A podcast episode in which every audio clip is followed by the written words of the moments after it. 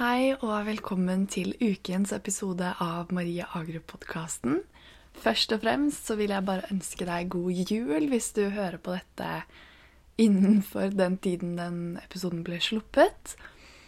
Eh, hvis du hører på denne episoden her et par måneder senere, så ønsker jeg deg en god høst eller vinter eller sommer eller vår, hvilken enn sesong du er i i livet ditt akkurat nå.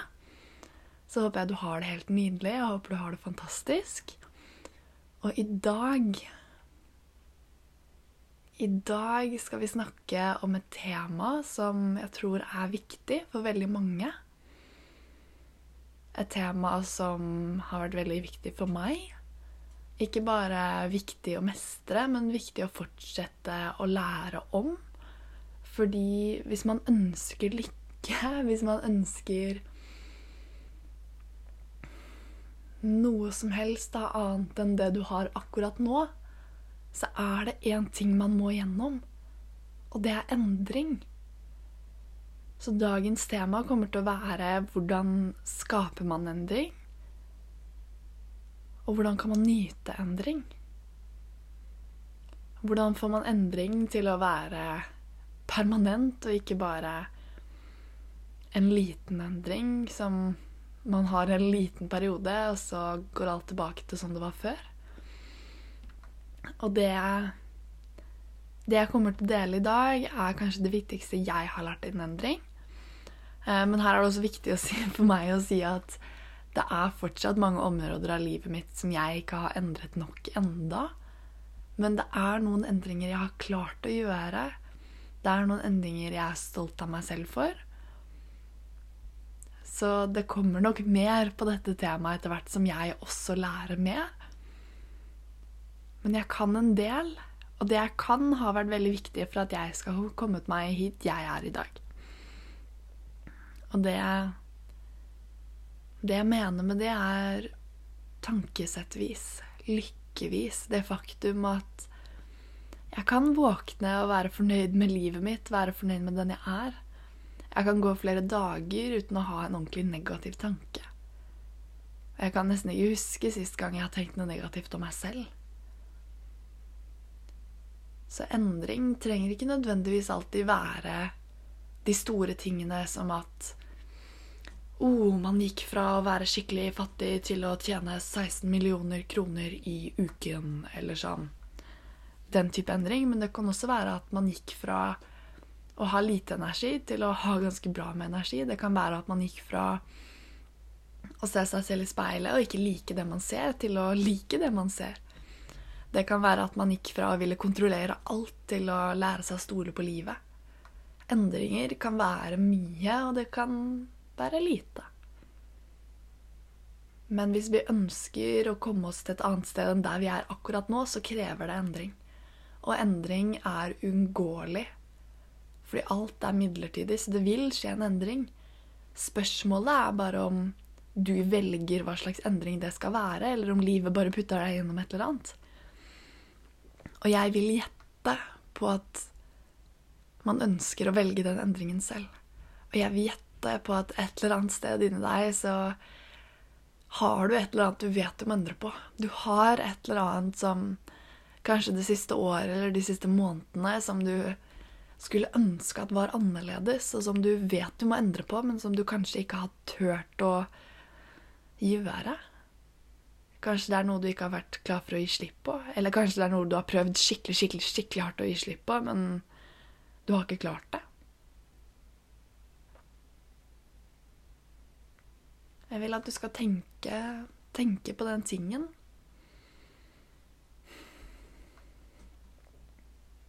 Og bare rett og slett bli bevisst på hva er, hva er livet ditt nå?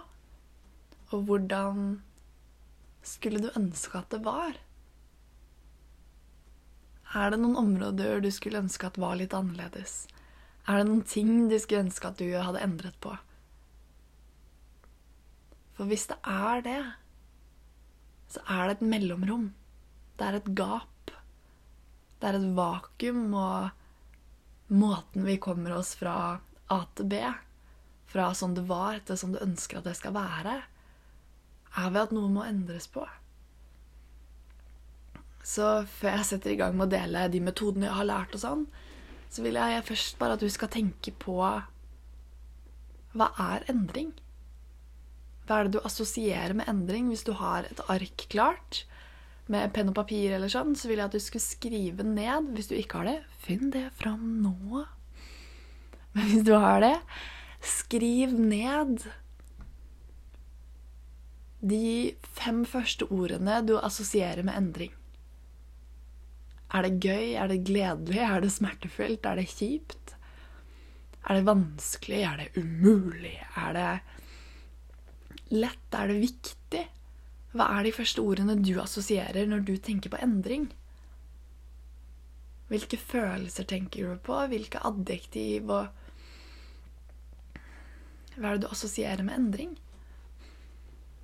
Og etter du har skrevet ned det, så vil jeg gjerne at du skal ta ett sekund eller to til å tenke.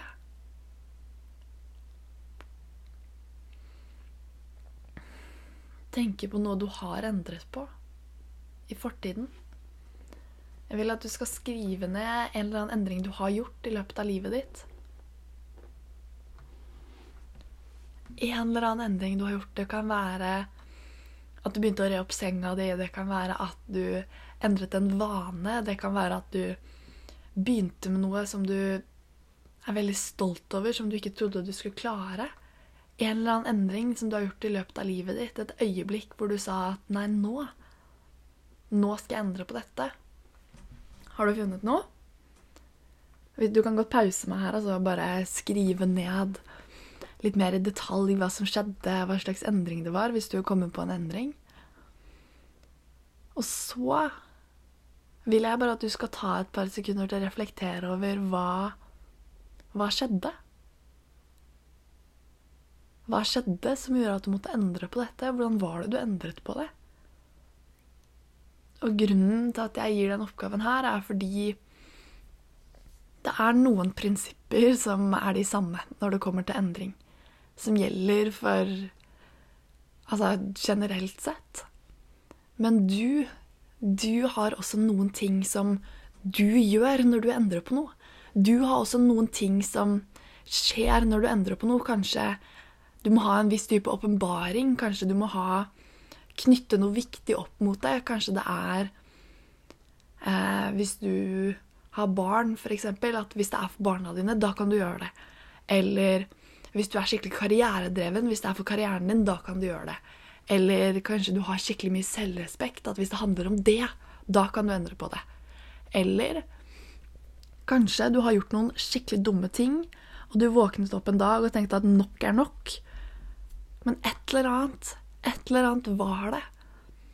Og hvis du vet hva det var, hvis du begynner å reflektere litt og bli kjent med hva som skjer hos deg når du endrer på noe, så er det større sannsynlighet for at du vil kunne skape den tingen på nytt. Ikke sant? Fordi du har Vi har regler, vi har metoder, vi har mønstre.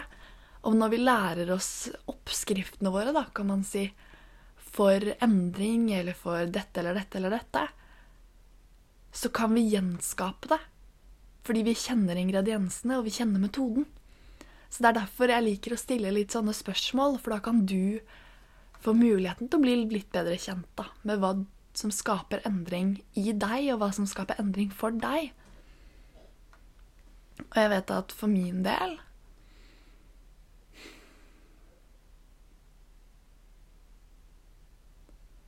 Den største endringen jeg gjorde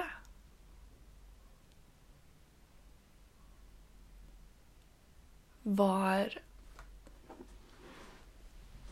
Det var flere år siden nå, ganske mange år siden. Og jeg satt Jeg satt på kjøkkenet, og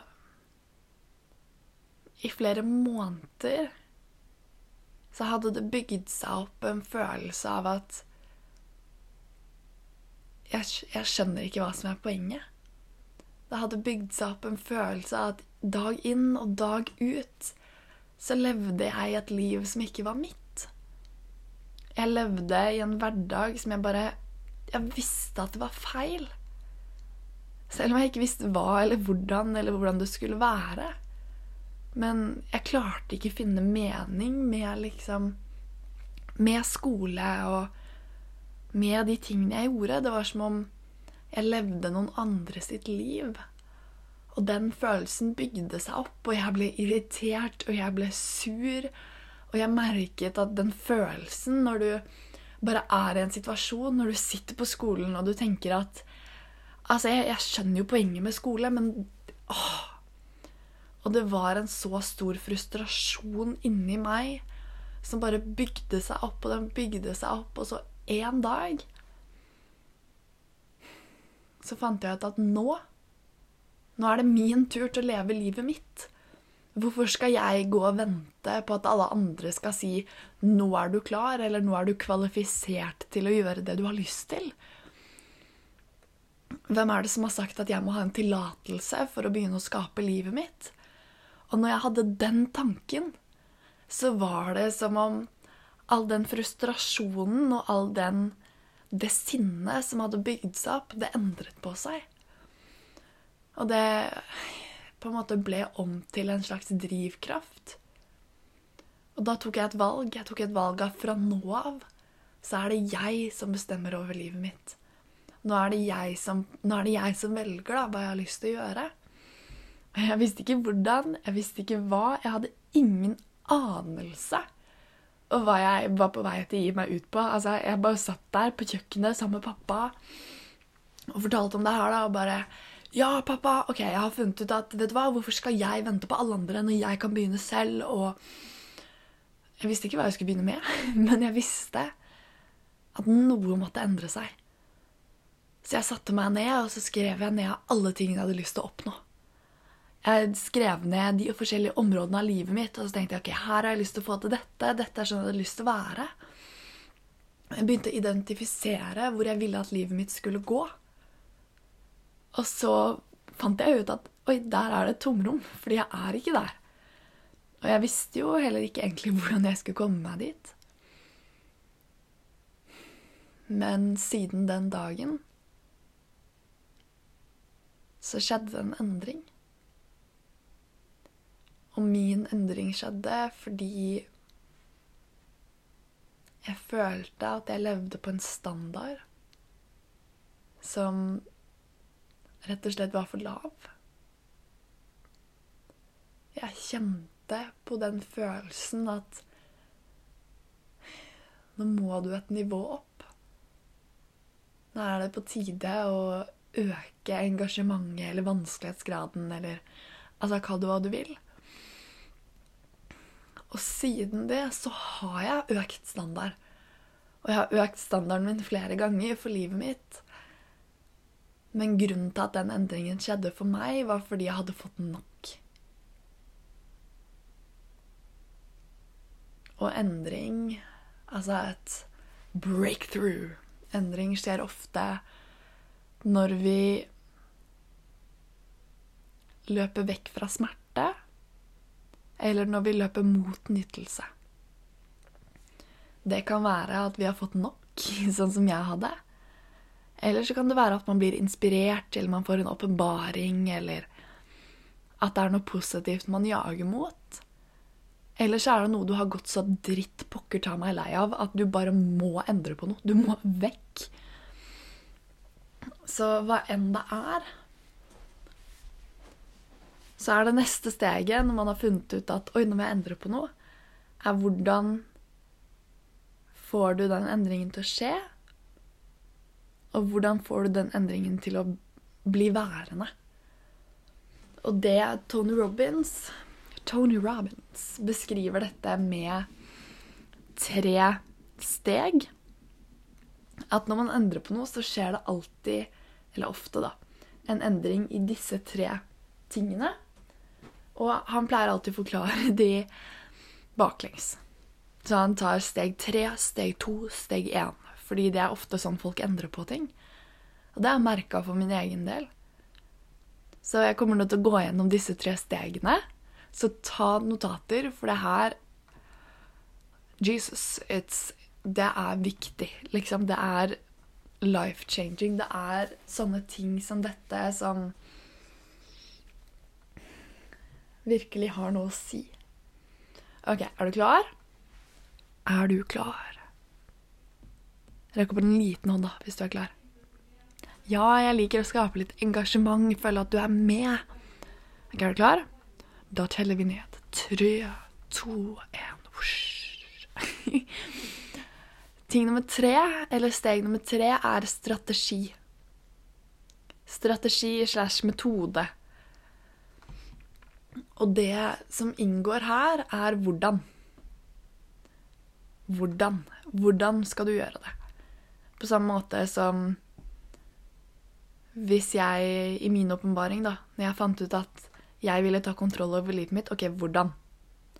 Hvordan skal jeg gjøre det? Kanskje du finner ut at du har lyst til å miste vekt, eller få masse muskler, eller kanskje du har lyst til å gå opp i vekt. Kanskje du har lyst til å bli skikkelig flink til å lage mat. Kanskje du har lyst til å endelig få orden på økonomien. Da er det hvordan. Hvordan skal du gjøre det? Hvilken metode? Men greia her er at metoden er som oftest det siste vi finner. Og det er derfor det er steg nummer tre. Fordi måten man gjør ting på, er ofte noe man finner ut etter hvert. Det er ofte noe man lærer steg for steg når man har begynt å gå. Det er ikke alltid man har kortet, eller at man har veien. Fordi hvis, hvis du skal se en soloppgang, da Så ja, det er viktig at du går i riktig retning. Fordi hvis du går mot vest, og sola går opp i øst Nå må jeg bare gjøre det klart at jeg vet ikke hvor sola egentlig står opp, så Correct me if I'm wrong. Men i hvert fall, hvis du går feil vei, så må du endre på strategien din. Da må du endre på metoden. Men noen ganger så hender det vi gjør riktige ting. Men likevel, eller vi vet hva riktige ting er, men likevel så klarer vi ikke endre på ting. Vi klarer ikke skape den endringen vi vil ha. For eksempel hvis du ser på alle de folka som har prøvd å bli rike, men så får de det ikke til fordi sånn og sånn og sånn. Eller hvis du er i et forhold, og du vet Du vet jo hvordan du skal kommunisere. Du vet jo ofte hvordan du skal håndtere den krangelen, og hvordan du skal gjøre den tingen. Men likevel, når alt kommer til alt, og du har kommet hjem fra jobb, eller, og du møter partneren din, og du har hatt en så jævlig drittdag Da er det ikke like lett da, å følge den strategien eller å følge den metoden. Og det ser vi jo også, ikke sant? hvis du ser rundt deg på alle folka som ønsker å endre på noe. De vet hvordan, men likevel gjør de det ikke.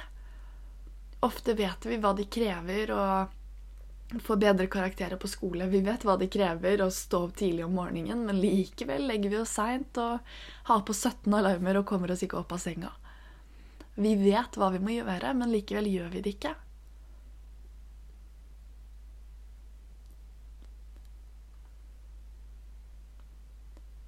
Så neste Neste ting, steg nummer to, det er hvorfor. Det er story. The story. Det er historien vi forteller oss selv. Hvorfor skal vi gjøre en endring? Hvorfor skal jeg gidde å stå opp tidlig hvis det er mye mer deilig å ligge i senga? Hvorfor skal jeg begynne å spise sunt når det smaker mye bedre å spise usunt? Hvorfor skal jeg bli rik når jeg ikke fortjener penger? Hvorfor skal jeg begynne å snakke snilt til meg selv og sette pris på meg selv hvis jeg bare vet innerst inne at jeg ikke er bra nok? Dette er de tingene som ligger dypt inne. Som forhindrer oss fra å gjøre den strategien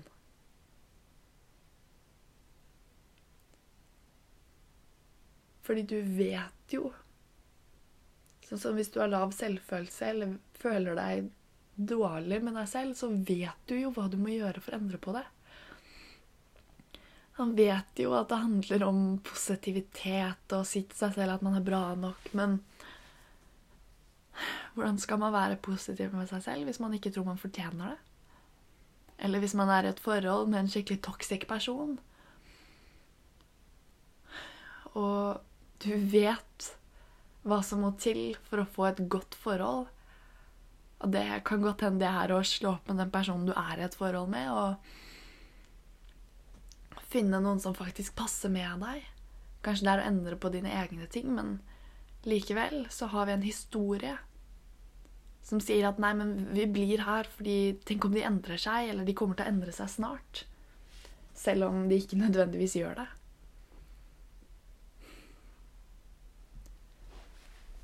Så ja, steg nummer tre er å finne en strategi.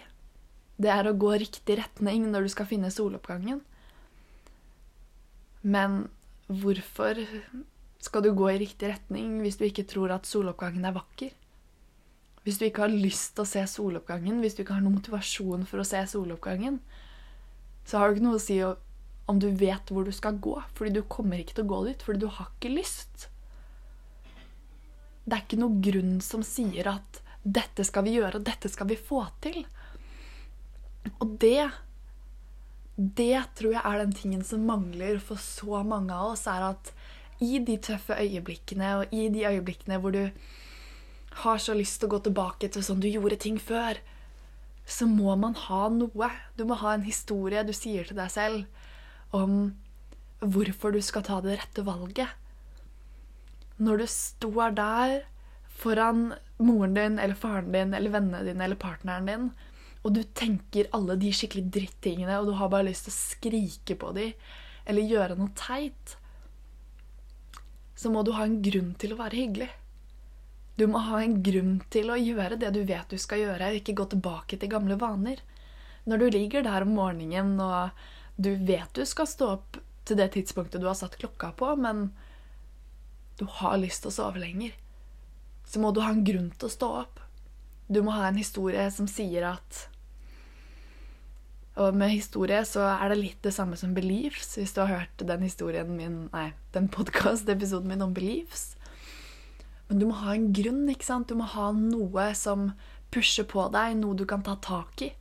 Det er litt som at du må ha et tau å ta tak i når du faller ned og du bare har lyst til å bli liggende, så blir det så slitsomt å skulle reise seg opp hvis det bare er på viljestyrke. Men hvis du har et tau å ta tak i, som du kan dra deg opp etter, da blir det mye enklere, for du har en grunn. Du har noe du jager etter, du har noe du går etter. På samme måte som hvis du er et ordensmenneske, ikke sant? Og du har hatt en periode i livet hvor ting kanskje var litt vanskelig, og du begynte å rote, og senga var ikke redd opp. Så kommer du til et punkt ikke sant, hvor du sier at ok, nå skal jeg gjøre den endringen. Og det er fordi du er en ryddig person. Og da når det er rotete, og du har kanskje egentlig litt lyst til å la det være rotete, så tenker man på det. Den historien, den, det hvorfor. At nei, ikke pakker. Jeg er et ordensmenneske, jeg er en ryddig person, og jeg fortjener at det er ryddig. Ga det mening? Og jeg husker første gang jeg hørte dette, så skjønte jeg det ikke. jeg skjønte det ikke i det hele tatt. For det var litt komplisert. Men så, etter hvert når jeg gikk rundt i livet mitt, i hverdagen i etterkant, og jeg begynte å se etter disse tre stegene, og begynte å tenke på de og bruke de litt, så skjønte jeg hvorfor det her var viktig. Jeg skjønte hvorfor det var viktig. Fordi jeg begynte å bruke det. Så jeg vil nå at du skal skrive ned kanskje en ting, da. En ting du har lyst til å endre på. Noe som det var tidligere. Altså som du tenkte på tidligere når jeg nevnte dette i starten av episoden. Hva, hva er grunnen Hvorfor skal du endre på det? Er det fordi du fortjener bedre? Er det fordi du er verdt det? Er det fordi familien din fortjener at du faktisk dukker opp for deg selv? Er det fordi du fortjener bedre? Er det fordi det er på tide? Er det fordi du har fått nok av sånn det har vært? Jeg vet ikke hva det er, og det kan være tusenvis av grunner. Og det er noe du må finne ut av selv, men du vet det. Hvis du bare lytter innover, og du stoler på deg selv, så vet du hva grunnen er. OK? Du kan pause meg her altså, bruke litt lengre tid på dette steget hvis du ønsker det. Det er helt lov. Og så den siste Det siste punktet er Er du klar? Er du klar? Eller skal jeg bare skru av nå, bare? Gi deg de to stegene uten det ene steget som faktisk gjør at dette tingene funker. Hmm. Ok, la oss ha en liten gjettekonkurranse. La oss ha en liten gjettekonkurranse. For nå vil jeg at du skal tenke litt. Rett og slett tenke litt. Fordi hvis vi ser tilbake på eksempelet med soloppgangen Ok, du har lyst til å gå. Ikke sant? Du har lyst til å gå. Og du vet hvor du skal gå.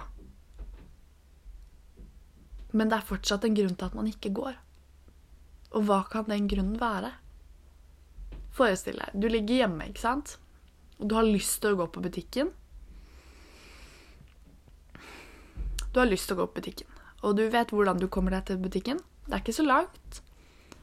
Men du gjør det ikke fordi Fordi Har du gjetta riktig? OK, jeg skal si svaret. Fordi du orker ikke. Der og da orker du ikke. Det siste steget er tilstand. Det siste steget er energinivå. Det siste steget er hvordan har du det akkurat nå? Fordi Jeg beklager hvis det er litt bakgrunnsstøy her. Nei, ikke meningen. Fordi hvis du har null energi, og du er dritsur, og du Kanskje du er i en tilstand hvor du er helt ute av deg, og du da skal være en hyggelig og positiv person og snakke hyggelig til deg selv, men du føler deg dritt. Du føler deg sliten, du har ikke sovet noe, du er sur, du er irritert, du har ikke spist nok, og du bare føler deg som en raw, ikke sant? At du kunne drept noen. Da er det mye vanskeligere å ta det valget, selv om du har en god grunn, fordi du orker ikke. Du gidder ikke der og da. Men hvis du hadde hatt litt mer energi, hvis du hadde vært i et litt bedre humør, så hadde du gjort det. Så det første steget når vi skal endre på noe eller vi skal ta et vanskelig valg, er å øke energinivået vårt. På samme måte som når du er forelska. Helt i starten, hvis du har vært forelska før. Helt i starten partneren din kan si og gjøre hva som helst. Og man tenker Åh, de er så fantastiske. Herregud. Personen kan ikke gjøre noe som helst galt hvis de spør deg om å lage mat til dem, men du egentlig hater å lage mat, så sier du 'ja, jeg kan lage mat til deg', joho! Og så går det en liten stund, og den følelsen, den tilstanden, den forelskelsesfølelsen som er der konstant Litt som om man skulle vært positiv og glad og full av energi hele tiden, ikke sant? Den forsvinner, og så spør de kan du lage mat til deg. Så sier du «Ah, nei, du kan lage maten din selv. Jeg lagde mat til deg hele tiden før. Nå kan du lage din mat selv. Og eneste tingen som har endret seg, for man er fortsatt like glad i det Man har fortsatt samme grunn, ikke sant? Er, du vil fortsatt at forholdet skal funke like mye, men tilstanden din har endret seg. Energinivået har endret seg tilstedeværelsen, hva enn det er, har endret seg. Og vi dukker ikke opp på samme måte. Så ja, du må synes at soloppgangen er vakker, og ja, du må vite riktig vei.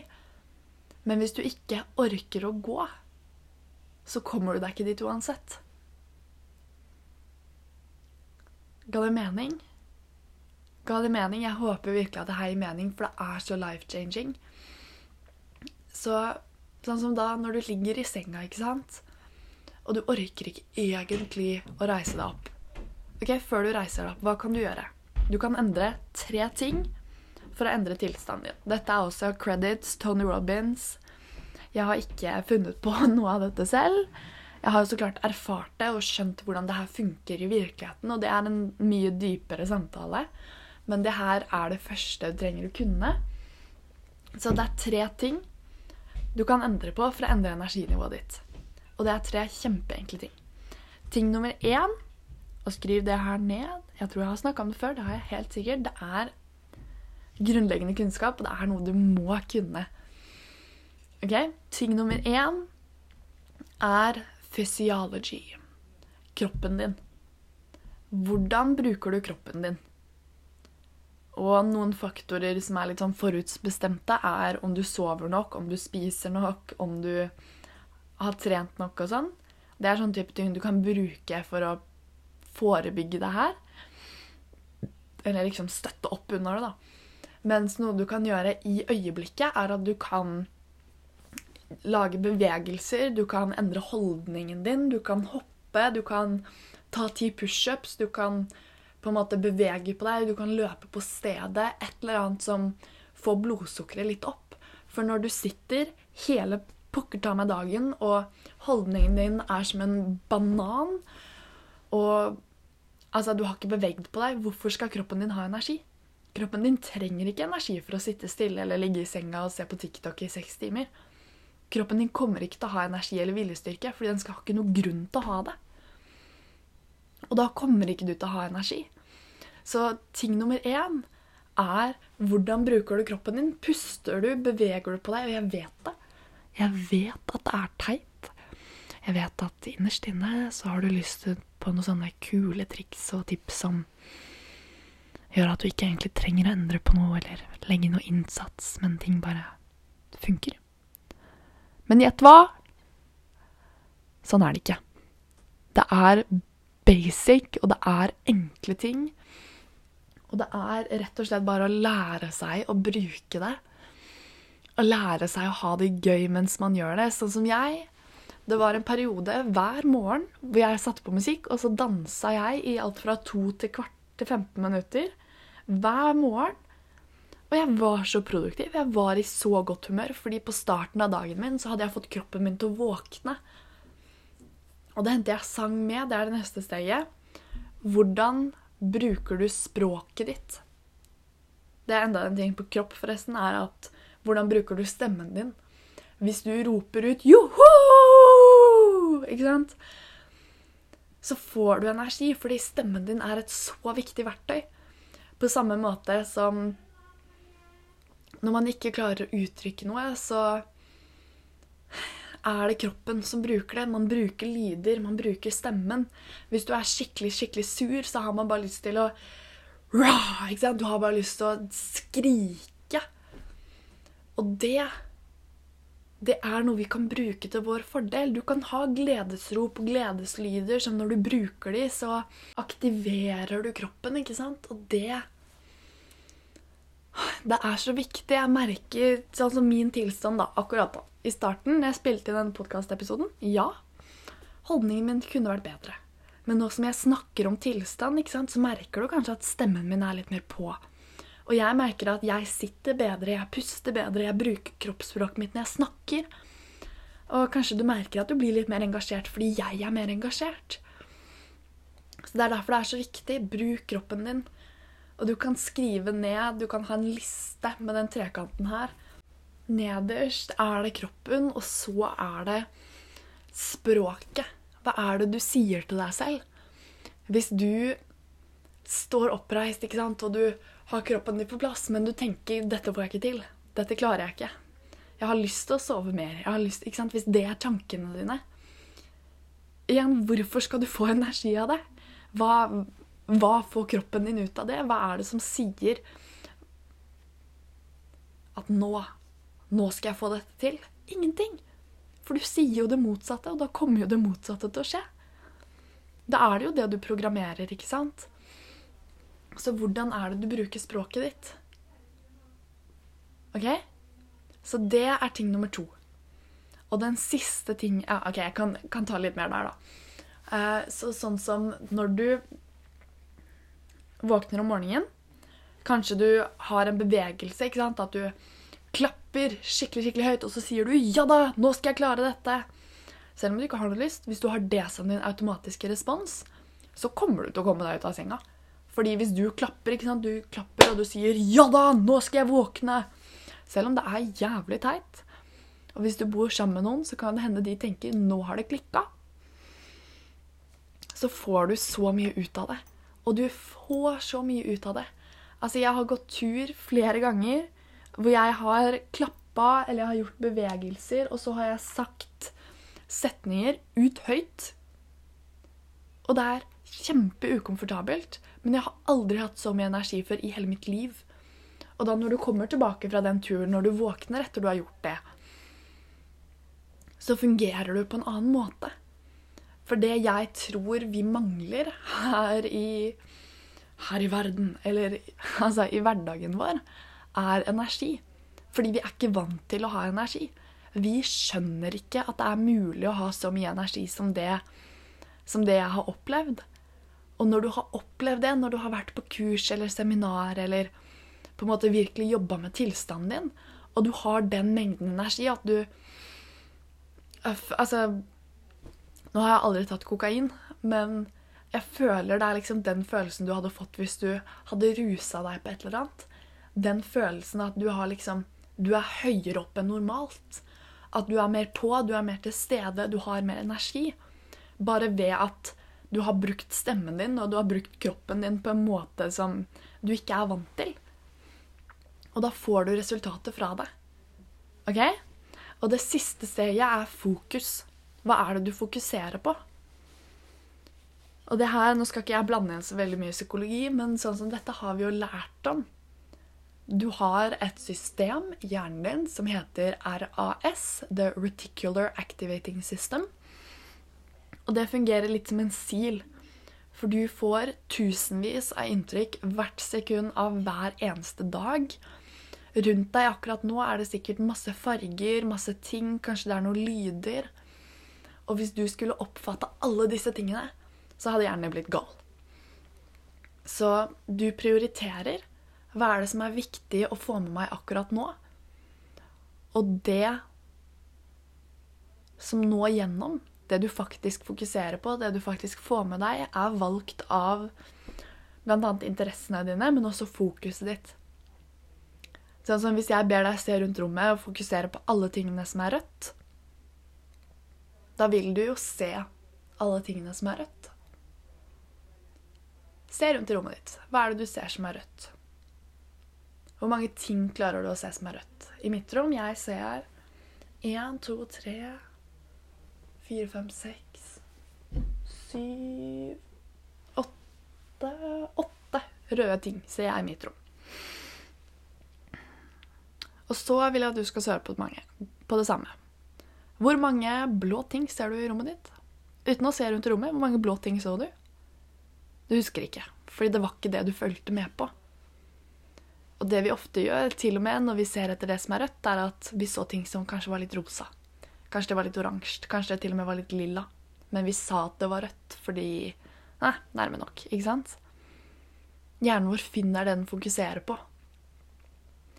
Så hvis du fokuserer på hva som er bra, hva som er positivt, hva som kan fungere, hva, hva du er flink til Og den beste måten å endre fokuset ditt på, er å stille annerledes spørsmål. Hvis du skal presentere eller holde en viktig samtale, et eller annet, og det du tenker, er Hva om jeg glemmer noe?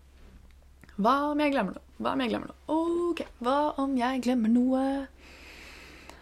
Eh, hva var det jeg skulle si igjen? Eh, hva, ikke sant? Og du har det som din indre dialog. Så vil jo hjernen din, RAS, ikke sant? det systemet, vil jo lete etter svar på det spørsmålet. Hva om jeg glemmer noe? Ok, men hva er det jeg kan glemme? Oh, jeg kan glemme dette og dette og dette. og dette, og dette, Så blir man kjempestressa. Mens hvis du istedenfor stiller deg et spørsmål som Hva er det jeg kan? Hvordan kan jeg holde denne presentasjonen på best mulig måte? Hvordan kan jeg være mer selvsikker nå? Hvordan kan jeg være mer på nå? Hvordan kan jeg levere en best mulig presentasjon? Så vil du gjerne lete etter svar på det. Og det er der fokuset ditt er på. Fokuset ditt er på selvtillit og å være engasjert og alle disse tingene istedenfor Hva om jeg glemmer noe? Ga det mening? For det er, det er ikke egentlig så veldig mye mer komplisert enn det. Steg nummer én tilstand. Du må være på, du må være engasjert, du må ha energi. De øyeblikkene vi tar dårlige valg, er fordi vi er i en dårlig tilstand. Det er fordi vi er sure eller frustrerte eller lei oss eller vi føler på skam eller skyldfølelse eller frykt eller noe sånt, så gjør vi noe dumt. Mens når vi tar gode valg, det er når vi er i et godt humør, vi er engasjerte, vi tør å prøve nye ting, og vi presterer vårt beste fordi vi har kapasitet og muligheten til det. Men det vi ofte tenker, er at energi skal komme til meg. Men du, du kan lære deg å generere energi. Og det er kanskje den viktigste Og det mener jeg. Det er kanskje noe av det viktigste du kan lære deg i hele ditt liv. Og det beste, det beste å fokusere på, syns jeg, er takknemlighet. Du trenger ikke alltid være i 100 for å være en god tilstand. En god tilstand kan være at du er avslappet, og du stoler på livet, og du tenker på alle tingene du er takknemlig for. For du kan ikke være redd eller sur eller whatever samtidig som du er takknemlig. Så det det og energi, takknemlighet og energi, tror jeg er de mine favoritting, i hvert fall. Nummer to er hvorfor. Ditt why. Historien din. Hva er grunnen til at du skal gjøre det du skal? Hva er grunnen til at du skal endre på det? Ja, du har energi, du kan jo ta valget, du orker det jo, men har du lyst? Har du noe motivasjon? Har du noen grunn til å gjøre det? Og den siste tingen er hva skal du gjøre? hva, hva, hva skal du egentlig få til? Hvilke steg er det du skal ta? Så jeg vil din, din lekse, din homework Og dette er også kjempefint i julesesongen. Nå er det jo nyttår snart, i hvert fall når jeg spiller inn episoden. Disse tingene er viktig å ta med seg inn i det nye året.